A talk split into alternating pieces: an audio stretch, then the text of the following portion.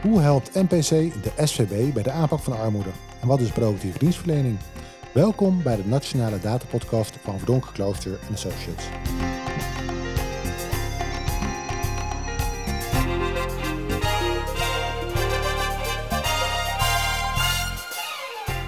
Welkom bij de Nationale Datapodcast, de podcast met inspirerende gasten en inzichten over het gebruik van data, algoritmes en artificiële intelligentie in de publieke sector. Mijn naam is Christian Verhagen en mijn gast vandaag is Diana Starmans, lid raad van bestuur van de SCB en in die rol verantwoordelijk voor de dienstverlening. Welkom. Ja, dank. Fijn dat je bent, als we elkaar te tutueren. Uh, we gaan het vandaag hebben over een heel mooi onderwerp. Uh, de pilot die recent uh, geslaagd is, mag ik gelijk ook wel zeggen, bij de SCB, over het delen van data. Ja.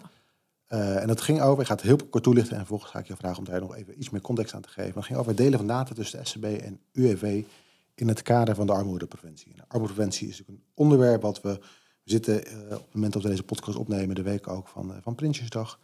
Nou, armoedepreventie is daar een belangrijk onderwerp uiteraard, zeker in deze tijd. En SCP heeft daarin een, misschien wel een cruciale rol als het gaat ook over de dienstverlening. Um, kun je ons iets meer vertellen over, ik refereer al even kort aan de, de pilot, uh, de recente pilot. Iets meer vertellen ook over uh, die pilot waarin jullie gewerkt hebben met, met, met ja. Ja, ja, dat kan ik zeker. En dan helpt het misschien om even iets te zeggen over uh, wat wij als SVB als taak hebben. Ja, zeker. Ja, graag. Uh, want een van de belangrijkste doelen, wij leveren een bijdrage aan bestaanszekerheid uh, voor mensen. Dat doen we via een aantal regelingen, onder andere de AOW en de kinderbijslag, de meest bekende regelingen. Maar er is ook een regeling als algemeen inkomensondersteuning voor ouderen, de AIO. En wat we daar zagen is dat we een niet-gebruik hebben in die regeling. En die regeling is bedoeld voor uh, burgers die een onvolledige AOW hebben. Dus wij kunnen natuurlijk in onze data zien wie een onvolledige AOW hebben, doordat ze een deel van hun leven in het buitenland hebben gewoond of gewerkt. -hmm. uh, maar in die regeling, die AIO, is het ook belangrijk om te weten of de mensen andere inkomsten hebben, of er vermogen is. Uh, en die data hebben wij niet. En wij zagen dat mensen niet gebruik maken van die AIO. En op het moment dat je een onvolledige AOW hebt en niet gebruik maakt van de AIO, dan zit je dus onder het sociaal bestaansminimum. -hmm. Nou, dat is wat we niet willen. SVB zet zich stevig in uh, om uh, met proactieve dienstverlening uh, bij te dragen aan armoedebestrijding. En dat was eigenlijk een doorn in ons oog. en toen zijn we op zoek gegaan van hoe kunnen we nou eigenlijk dat niet-gebruik terugbrengen. Nou, dat is, uh, uh, dan moet je zorgen dat je dat proportioneel kunt doen, die data uitwisselen. En wij zien natuurlijk hoeveel mensen, en dat zijn er zo'n 350.000 die een onvolledige AOW hebben. Mm -hmm. uh, maar die hebben misschien wel andere inkomsten of die hebben misschien wel vermogen. Dus wij kunnen die data niet zomaar matchen, dat zou disproportioneel zijn, met de data van UWV of de Belastingdienst. Nou, toen zijn we gaan kijken, samen met UWV, en met TNO heeft ons daarbij uh, geholpen. Kunnen we met een andere techniek, NPC-techniek, kunnen we daarmee die data versleuteld uitwisselen met elkaar, zodat we heel gericht mensen kunnen benaderen waarvan wij denken dat ze dus in aanmerking kunnen komen voor die AIO. Nou, dat hebben we met UWV gedaan in deze uh, pilot. Uh, ja, en dat is denk ik uh, succesvol, omdat we mensen hebben weten te bereiken en omdat we hebben gezien dat die techniek van versleuteling, dat die gewoon werkt. Okay, dus de proactieve dienstverlening, eigenlijk het proactief benaderen van mensen die mogelijk recht hebben op een, in dit geval een aanvullende uitkering, een aanvullende toelage. Um, maar op dit moment, hè, het, het, koppelen van die gegevens tussen UWV en SCB, ja, dat is misschien niet dispro dat is disproportioneel. Hè? Ja. Dat gaat over de, met name de, de privacy. Waar lopen jullie concreet tegenaan? Of liepen jullie concreet tegenaan en dat, uh, bij het delen van die data? Nou, de, de, uh, dus voor die pilot mochten we dat niet doen, omdat je gewoon disproportioneel data aan delen zou zijn uh, met elkaar. Mm -hmm. Nou, dat betekent dat wij dus mensen niet kunnen bereiken, want wij mogen niet die mensen aanschrijven die, waarvan wij weten dat ze een onvolledige AOW hebben. en je wil gewoon gericht daar naartoe. Nou, dan, toen zijn we in die pilot zijn we op zoek gegaan naar hoe kunnen we nou die doelgroep kleiner maken, zodat we wel proportioneel ja. data wisselen. Uh, en dat hebben we gedaan, ook met hulp overigens met de autoriteit persoonsgegevens hebben we om advies gevraagd. Om, mm -hmm. Dat wil je privacy, uh, wil je beschermd hebben. Uh, geen onnodige datadeling. En dat hebben we voorafgaand, dus ook samen met het ministerie van SZW, hebben we die pilot, zeg maar, juridisch ook vormgegeven, dusdanig dat dat wel mogelijk, mog mogelijk werd uh, met de techniek uh, die, die door TNO mede ontwikkeld ja, is. Ja, eigenlijk de, de noodzaak lag er wel. Hè? Dat ja. is het armoedevraagstuk. Tegelijkertijd die de wetgeving is in die zin ook daar soms zelfs complex in. Hè? Want uiteindelijk die privacy-wetgeving is niet voor niks. Ja. Maar tegelijkertijd betekent dat wel soms dat we dit soort dingen wat minder makkelijk kunnen doen. Of soms niets kunnen doen zelfs. En nu net even heel kort de, de technieken, MPC, de Multiparty Computation, als ik het, als ik het goed heb. Ja. Als een belangrijk onderdeel uiteindelijk van hoe dat dan wel zou kunnen. Ja. Kun je ons heel kort meenemen in die, uh, in die term, die MPC? Ja. En, en, wat betekent dat dan eigenlijk? Ja, MPC, als ik het heel eenvoudig uh, uitleg, Multiparty Computation uh, techniek, die maakt het mogelijk om versleutelde data van ons te matchen met versleutelde data van het UWV. Mm -hmm. uh, dat komt bij elkaar en daar komt eigenlijk naar ons toe het signaal terug. Dit zijn mensen die mogelijk, die in ieder geval op basis van het inkomen, en dan weten wij niet hoe hoog het inkomen is, dat is voor ons ook niet relevant. Mm -hmm. Maar die op basis uh, daarvan in aanmerking zouden kunnen komen voor een AIO. Dus wij zien elkaars data niet.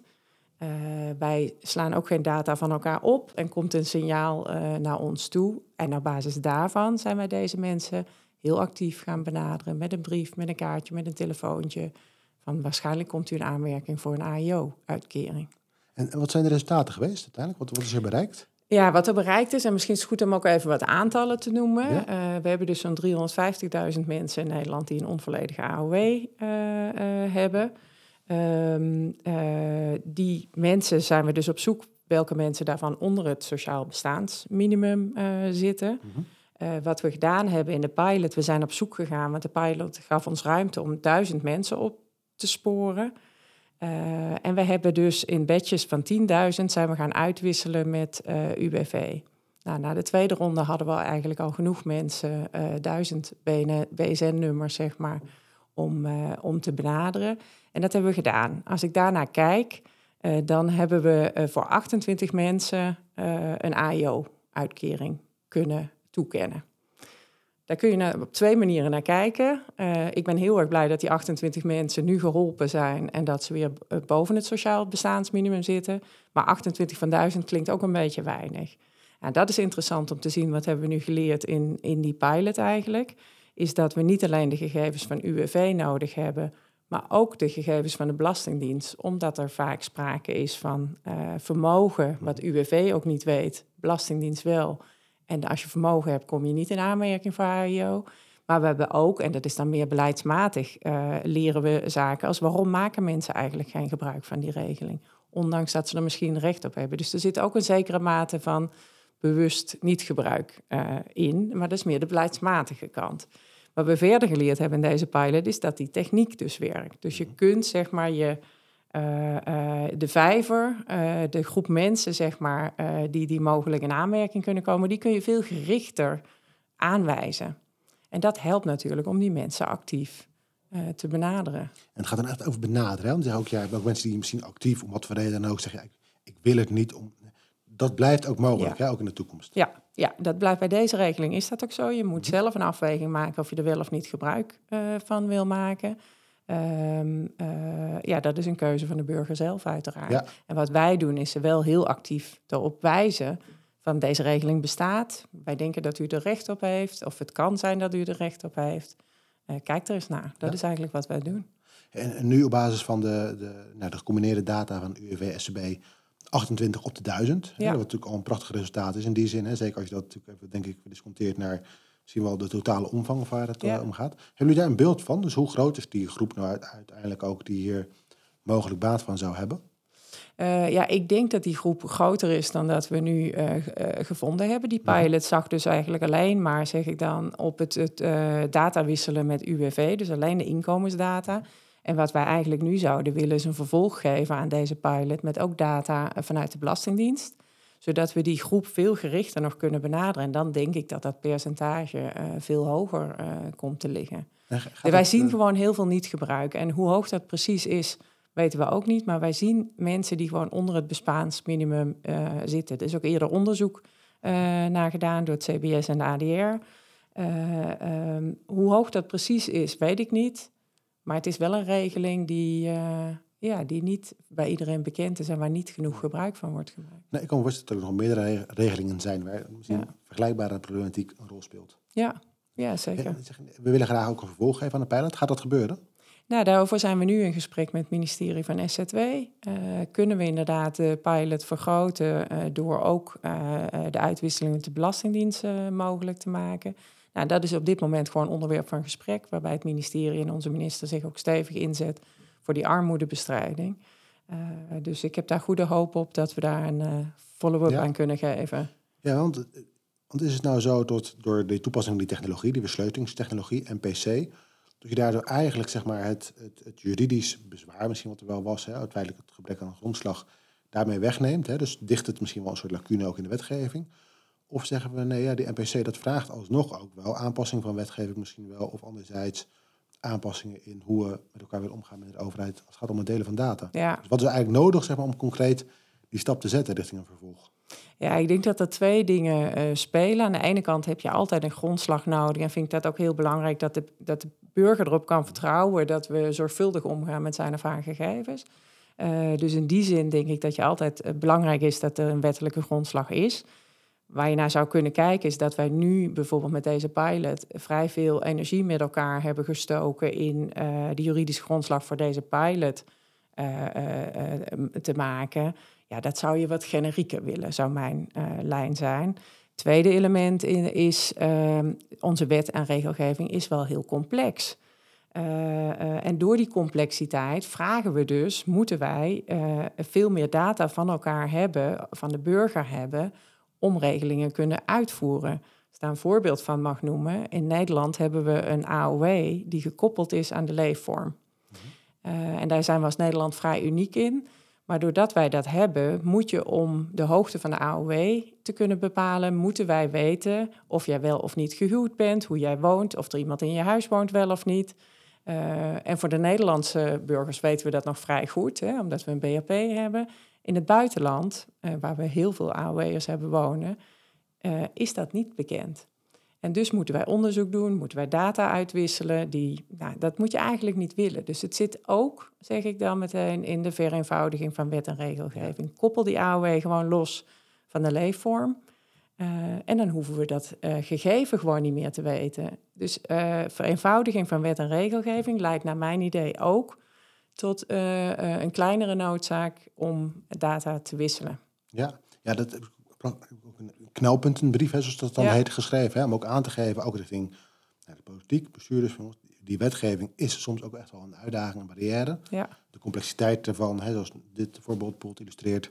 Uh, maar ook het feit dat je nou, het gebrek aan grondslagen en hoe komen dat een goede grondslag. Dat heeft best wel wat voeten in de aarde, hè, ook voor zo'n zo'n zo'n pilot. Uh, om tot een vervolg te komen, nou, zul je daar dus ook een aantal stappen in moeten, moeten gaan zetten.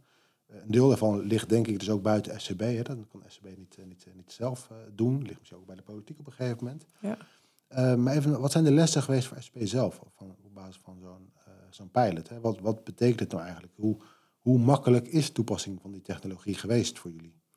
Nou, het is niet heel makkelijk geweest. Dit, een pilot is natuurlijk altijd om, uh, om, om te leren. Dus het is, uh, in technische zin is het een, een, een, ontdekkingsreis geweest. Van, waarvan, hoe kom je nou tot de goede definities en welke data moet je dan precies uh, uitwisselen?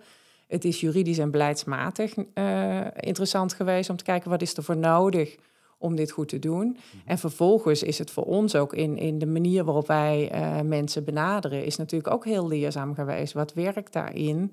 Een brief sturen, daar kom je niet mee. Dus je zult daar gericht achteraan moeten bellen. Wij hebben gewoon mensen allemaal gebeld. Uh, Wat waren de reacties van de mensen? Nou, de, de mensen eh, zijn verrast dat je belt. Uh, kennen soms de regeling niet. Dus dat is ook voor ons interessant om te weten. Hoe komt het dat mensen deze regeling niet kennen? Ehm, ja, en vervolgens heb je het gesprek met, met iemand van... ja, wil je wel of niet? nou, dan aanvraagformulier... Nou, dat is ook weer leerzaam van hoe makkelijk is het om zo'n aanvraagformulier voor een burger om in te vullen. Dus er zitten heel veel lessen in. En we hebben een groep mensen in deze pilot uh, gezien uh, die we niet hebben kunnen bereiken. Dus ook die groep is interessant.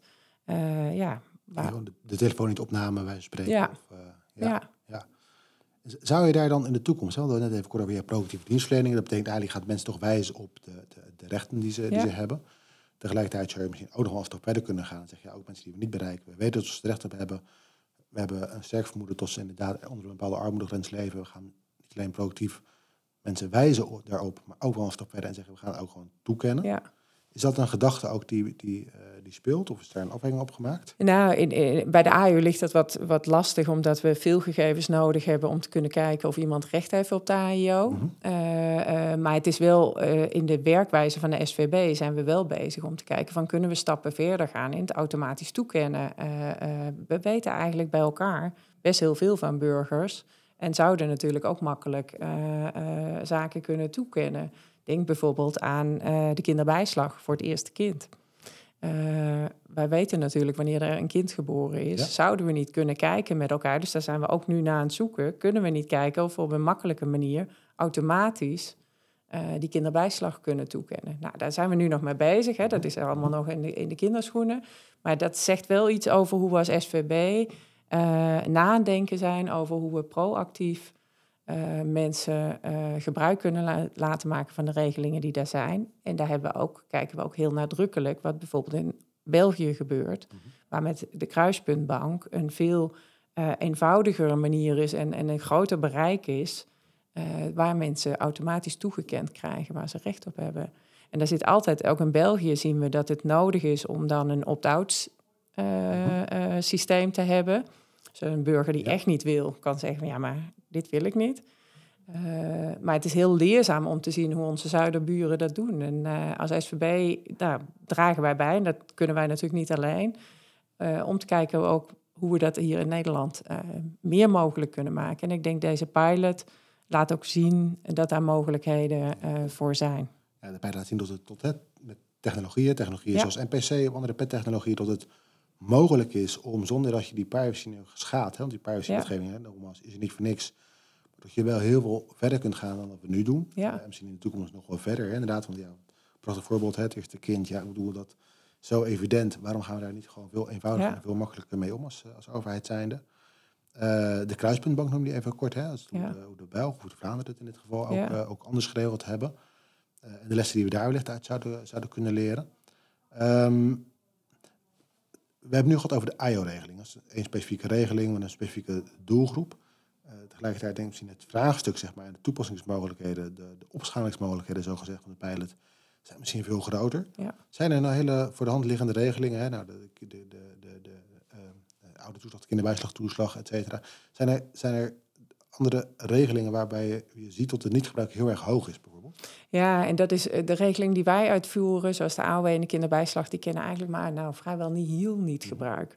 Uh, dus je moet vooral gaan kijken naar die regelingen uh, en inkomensondersteunende regelingen waar veel meer criteria aan ten grondslag liggen. En dat zijn dan toch regelingen waar vaak een inkomens of afhankelijkheid, inkomensafhankelijkheid uh, voor nodig is en een vermogenstoets wordt gedaan.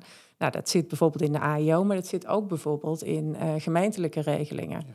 Dus gemeentes hebben veel inkomensondersteunende regelingen. Die verschillen ook natuurlijk per gemeente met andere toelatingscriteria.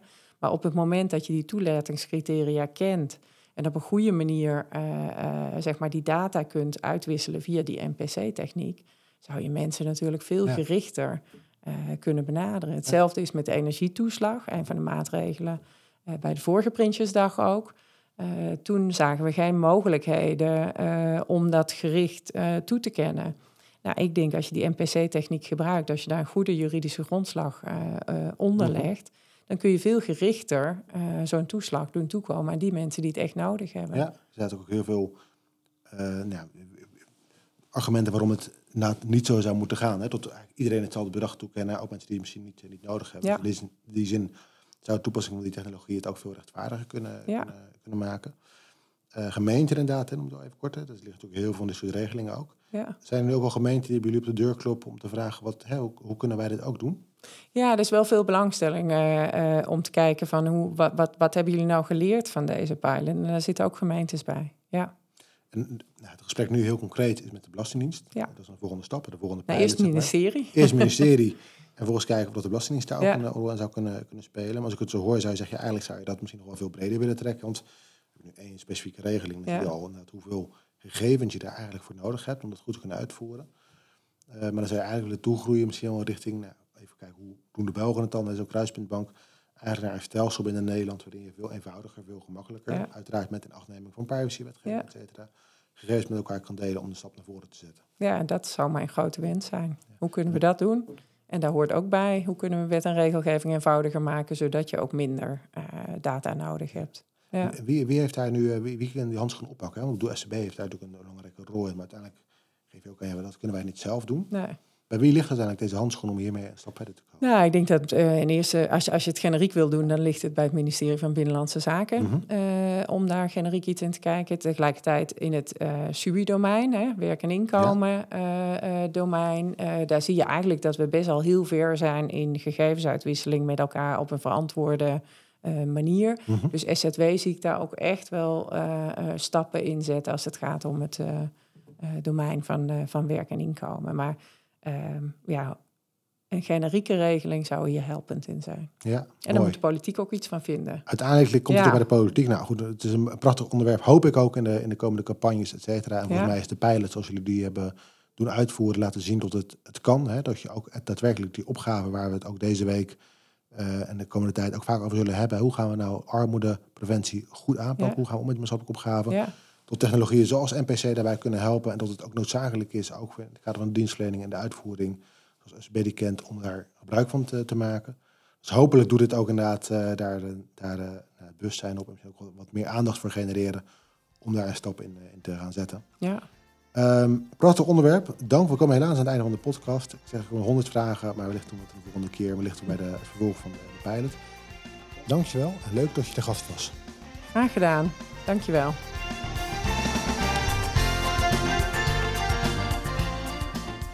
Hiermee zijn we het eind gekomen van deze aflevering van de Nationale Data Podcast. Bedankt voor het luisteren, abonneren of terugluisteren van alle afleveringen van de podcast. Kan via iTunes, Spotify of je favoriete podcast app. Tot een volgende keer.